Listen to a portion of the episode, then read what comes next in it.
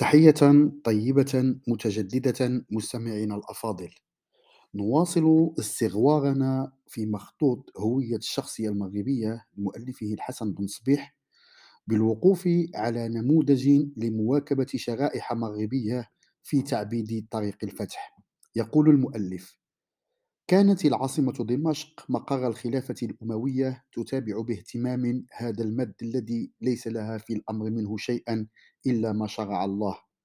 لكن حوادث الحجاز واليمن واليمامة وفتنة الخوارج بالمشرق كانت هي شغل الدولة الإسلامية الأموية الأول في توطيد الأمن والتفرغ لمشاكلها السياسية الداخلية وقمع التمردات. وإلى حدود سنة 74 للهجرة الموافق ل 693 للميلاد تسند القيادة الحربية لأركان جيش الفتوح إلى حسان بن النعمان في جيش جديد يضم أربعين ألف مجاهد. وقد انضمت إليهم هذه المرة من المغاربة المسلمين الموريون ألوف وأصبح على إحدى كتائبه إطارات عسكرية في القيادة المغربية عينها حسان في شخص القائد الموري البربري هلال بن توران اللواتي. وكان المغاربة قد ضاقوا درعا باستبداد الملكة الكاهنة داهية. حين انتقضت الأمور وارتد الناس كارهين أو عن اختيار لكن لم يفت الصادقين منهم ليرسلوا لبعثة الخامسة إلى الخليفة الأموي. ليخلصهم منها ومن بقية النفوذ البيزنطي والقوطي في الجيوب المتواجدة كمراكز استيطانية بالأرض المغاربية. وتهيأ حسان بن النعمان للجهاد فاندفع إلى مناجع منطقة قبائل جراوة المغربية وكانت الكاهنة داهية تعرف نقص الاستراتيجية الحربية للعرب. مما يفهم من قراءة متأنية للسرادات التاريخية الإخبارية بحيث لم يكن العرب قد أحدثوا على طول على طول ممرات المسالك باستثناء القيروان محطات أو ثكنات أو قلاع تكفل لهم الإمدادات والمؤونة العسكرية لضبط مد الأسراب الاحتياطية. رغم كثرة عبورهم للمغرب كانوا يرجعون دون أن يبدوا لذلك اهتماما. والمسافة الطويلة التي قطعها جيش حسان أعيت المجاهدين وأتعبتهم وزادهم ما أتوا فيه على الصروج ينتظرون أوامر نزال الكاهنة مرهقين مما هيأ عوامل الانهزام والتراجع رغم ما سجله عنهم المؤرخون من استماتة وثبات وصبر وكانت الغلبة للكاهنة التي أعملت سيوفها فيهم قتلا وأسرا وطاردت فيالق الجيش الذي اضطر للتراجع عن مناطق كثيرة إلى حدود قابس مما غير الأوضاع لصالحها حيث انبسطت نفوذها على المغرب خمس سنوات استفزت الموريين فخربت مدنهم وحصونهم ومزارعهم حتى لا يدركها الفاتحون ثانية وكان ذلك يجري تحت أنظار الروم والقوط المتتبعين للأحداث. وخرج بريد المسلمين بتقرير يطلع الخليفة الأموي ويحمله مسؤولية عدم التفرغ للاهتمام الكامل في متابعة سير الجيوش الإسلامية. ويصور الموريين تصويرا نابعا من منطقة الأحداث حيث يبين مقدار الكثافة السكنية ونموها السريع وتشعب بطون القبائل وترامي نفوذها في أوسع المناطق وقوة زحفها أيضا.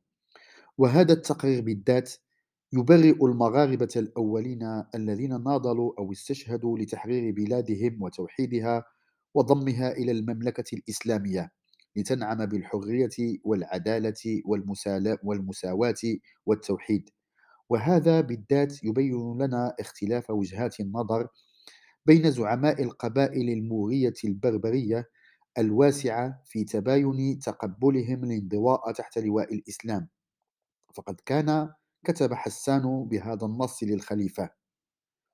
إن أمم المغرب ليس لهم غاية ولا يقف أحد منها على نهاية كلما بادت أمة خلفتها أمم وهم من الكثرة كسائمة النعم. ولم يكن حدث الكاهنة ورعب تقتيلها بجديد على الممارسات الحربية لجيوش المسلمين.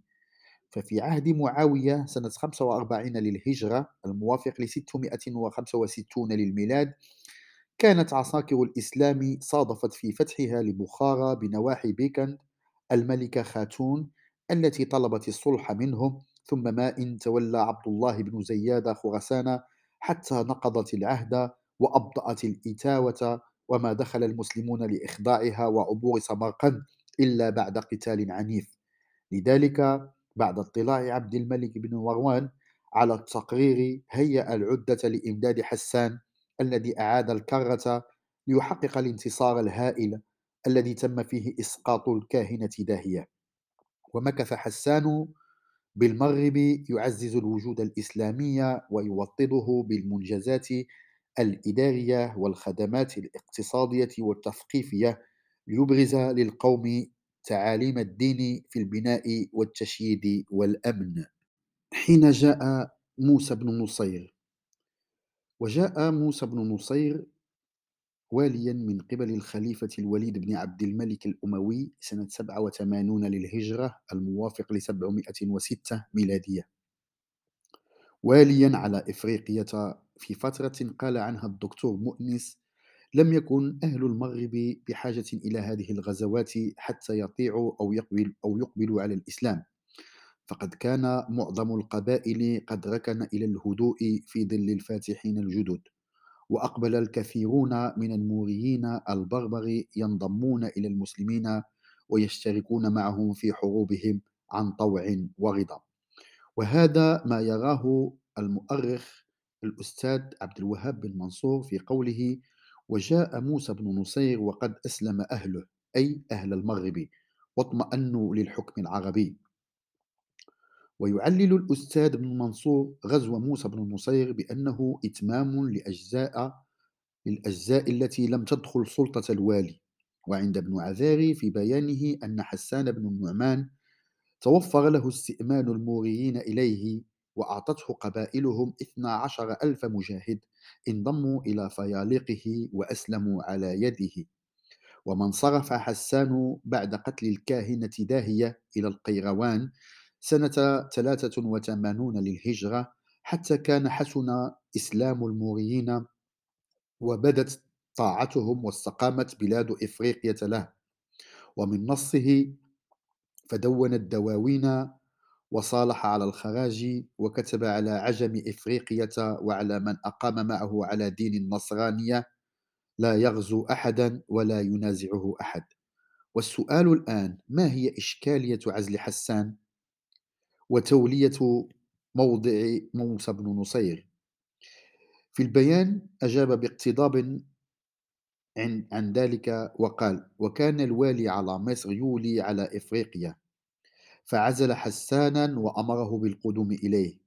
فعلم حسان كما أراده عبد العزيز بن مروان أخو عبد الملك. فعمد إلى الجوهر والذهب والفضة. فجعله في قرب ماء. وأظهر ما سوى ذلك من الأمتعة وأنواع الدواب والرقيق وسائر أنواع الأموال. فلما قدم على أمير مصر أهدى إليه مئتي جارية من بنات ملوك الروم وللموريين فسلبه عبد العزيز جميع ما كان معه. هذا ما أورده ابن عذاري. وهذا النص يسجل بدقة اعتبارات العزل والتولية الجديدة. وإذا أقدم موسى بن نصير وعن رواية ابن عذاري أن أول فتوحه زغوان ونواحيها. ويبدو من روايته أن أول ما بشره موسى بن نصير هو التركيز على السبي بحجم عشرة آلاف من الموريين حيث تمكن من قتل 600 رجل من كبارهم ثم أغار على مواطن قبائل هوارة وكتامة وزناتة. فقتل فيهم وسبى خمسة مئة ألف شخص وألقى القبض على زعيمهم الموري ضامون تحت اعتبار ادعاء الثأر لقتل عقبة بن نافع مع العلم إن لم نقل أن الأخذ بهذا الثأر قد تزامن وقته بربع قرن خمسة وعشرون سنة. وإن لم نقل نفذه زهير بن قوس البلوي وحسان نفسه باعتبار الفارق بين وقعة تهودة سنة 61 للهجرة التي قتل فيها عقبة وليس قتل زهير بن قيس البلوي لزعيم الموريين البربر كسيلة قاتل عقبة له فأر وذلك قتل حسان بن النعمان الكاهن داهية هو أنهاء له أيضا حتى إذا كانت سنة 87 للهجرة كان الضحية هو ملك الموريين البربر وزعيمهم طامون لتنطلق الإجراءات كوسيلة إعلامية خاصة عند المغرب الأقصى تسبقه لغزوه. هناك فتهيئ له بالذكر وبالذعر كسوحاته الجديدة التي أمره الخليفة بتنفيذها مما جعل فعلا القبائل تتصارع لتقدم طاعتها عفوا حسب طريق مروره. فكانت كتامة بدرعة وعند ابن عذاري أنها قد قدمت على موسى فأخذ رهائنهم من أخيارهم وقتل ملكهم كمامون أو طامون. وبهذه الطريقة غزا موسى بن نصير طنجة وافتتح درعة وصحراء تافيلالت وأرسل ابنه إلى سوس فأذعن البربر الموريون لسلطانه وأخذ رهائن المصامدة فأنزلهم بطنجة سنة 88 للهجرة وولى عليها طارق بن زياد الليثي. وهذا ما أورده الناصري في كتاب الاستقصاء نقلا عن رواية ابن خلدون. ولابن خلدون في العبر في الجزء السادس خصوصا دقائق نعتمدها في هذا العرض. وتعطينا الروايات كشفا عن حجم السبايا التي أنفذها موسى بن نصير فعند ابن عداري إفادات نرتبها كالتالي ألف عشرة آلاف شخص عند غزو زغوان باء مئة ألف شخص أتى بها ابنه مروان جيم خمسة آلاف شخص من قبائل هوارة وزناتة مما تبقى من القتل. ويكون المجموع مئة وخمسة عشر ألف نسمة. وربما هذا رقم قياسي ضربه موسى بن نصير وكان هذا على مرأى ومسمع من العاصمة دمشق بعد حصيلة من التقتيل الذريع حتى لقد قال أبو شعيب الصدقي لم يسمع في الإسلام بمثل سما سبايا موسى بن نصير. ويفهم من روايات حملة موسى بن نصير أنه كان ينوي توسيع مناطق نفوذه إلى قلب بحيرة البحر المتوسط. ولذلك كان يترافق هذا الغزو تركيز مائل على جزر البحر مثل صقلية حيث بعد بعث قوادا لسراقوسا وكذلك لسردينيا. وأنت تعجب أن يكون لجيوش التي نفذت هذه العمليات تضم جلة من التابعين مثل حسن صنعاني وضبط المؤرخون فضائح في ممارسة الغدر والاختلاس أثناء هذه العمليات. منها ما ذكره ابن الأثير من أحداث سنة 92 للهجرة الموافق ل 710 للميلاد ولعل ما أسموه بالغلول وهو اصطلاح خاص عن عمليات تهريب الكنوز والأموال وأكداس الذهب أثناء عملية السطو التي انتقمت لها الأقدار في استيلاب عاصمة سردانيا وأغرق الله المتورطين. وحتى يلتمس الناس عذرا لتواجد التابعين من من حجم أبي عبد الرحمن الحبلي وحنش بن عبد الله الصنعاني ظل علقوا نجاتهما في الغرق دليلا على براءتهما من الاختلاس. وأغرب من هذا ما مورس من وسائل النهب والتهريب كتعمد وضع الدنانير الذهبية في القصب ثم إخفائها وإبرازها كعصي للاتكاء أو دفنها في الزفت أو إخفائها في مواطن حساسة من الجسم أو حشوها في بطون القطط بعد ذبحها إلى غير ذلك من الحيل التي يبرأ منها الدين ويتنزه عنها الفاتحون الصالحون. والغريب أن مثل هذه الحقائق تواترت الأخبار بها والإجماع على إيرادها في كافة الروايات في الوقت الذي أثارت الباحثين المعاصرين. حتى حتى لقد قال الدكتور مؤنس نحن لا نسمع أعمال موسى بن نصير في المغرب فتوحا. لا إن الفتح تم على يد حسان. ذلك أن هذه الأعمال خلقت نوعا من البلبلة عموما وجعلت المغاربة يتشككون حتى لقد صور الحالة النفسية الدكتور مؤنس بما تحقق لديه. قال فأقبل الكثير منهم ينضمون إلى جيوش المسلمين حتى لا يكاد الواحد منهم يسلم حتى يسير مع الجيش الفاتح يغزو معه ويفتح معه. ووافق ذلك مزاج القبائل الموغية البربرية المتبدية وجمعتها مع العرب صفات البداوة والفطرة والنشاط وحب القتال.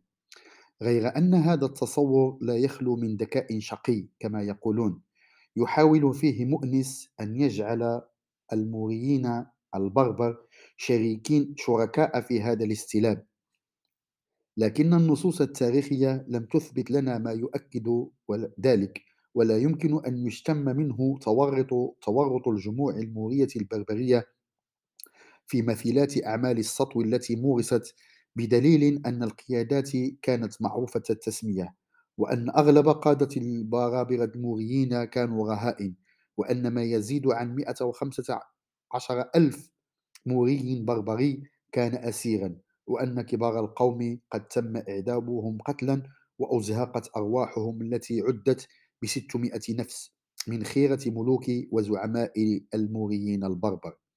والمهم أن موقف العاصمة كان صارما في الضرب على هؤلاء المعتدين وفي الاقتصاص بالذات من موسى بن نصير حيث جعلت الأقدار له تلك النهاية المشؤومة. وقد حفظ لنا ابن عبد الحكم تفاصيل المحاكمة التي أجريت له مما يدل على أن موسى بن نصير كان رجلا سياسيا يتهيأ لإنشاء إمارة مستقلة بالغرب الإسلامي. موزعة على أبنائه قائمة على جماجم القتلى ودماء المواطنين. وقد ذهب المادة المعلوماتية التاريخية إلى أنه ضرب العملة ووزع سكته باسمه في الإقليم على أبنائه.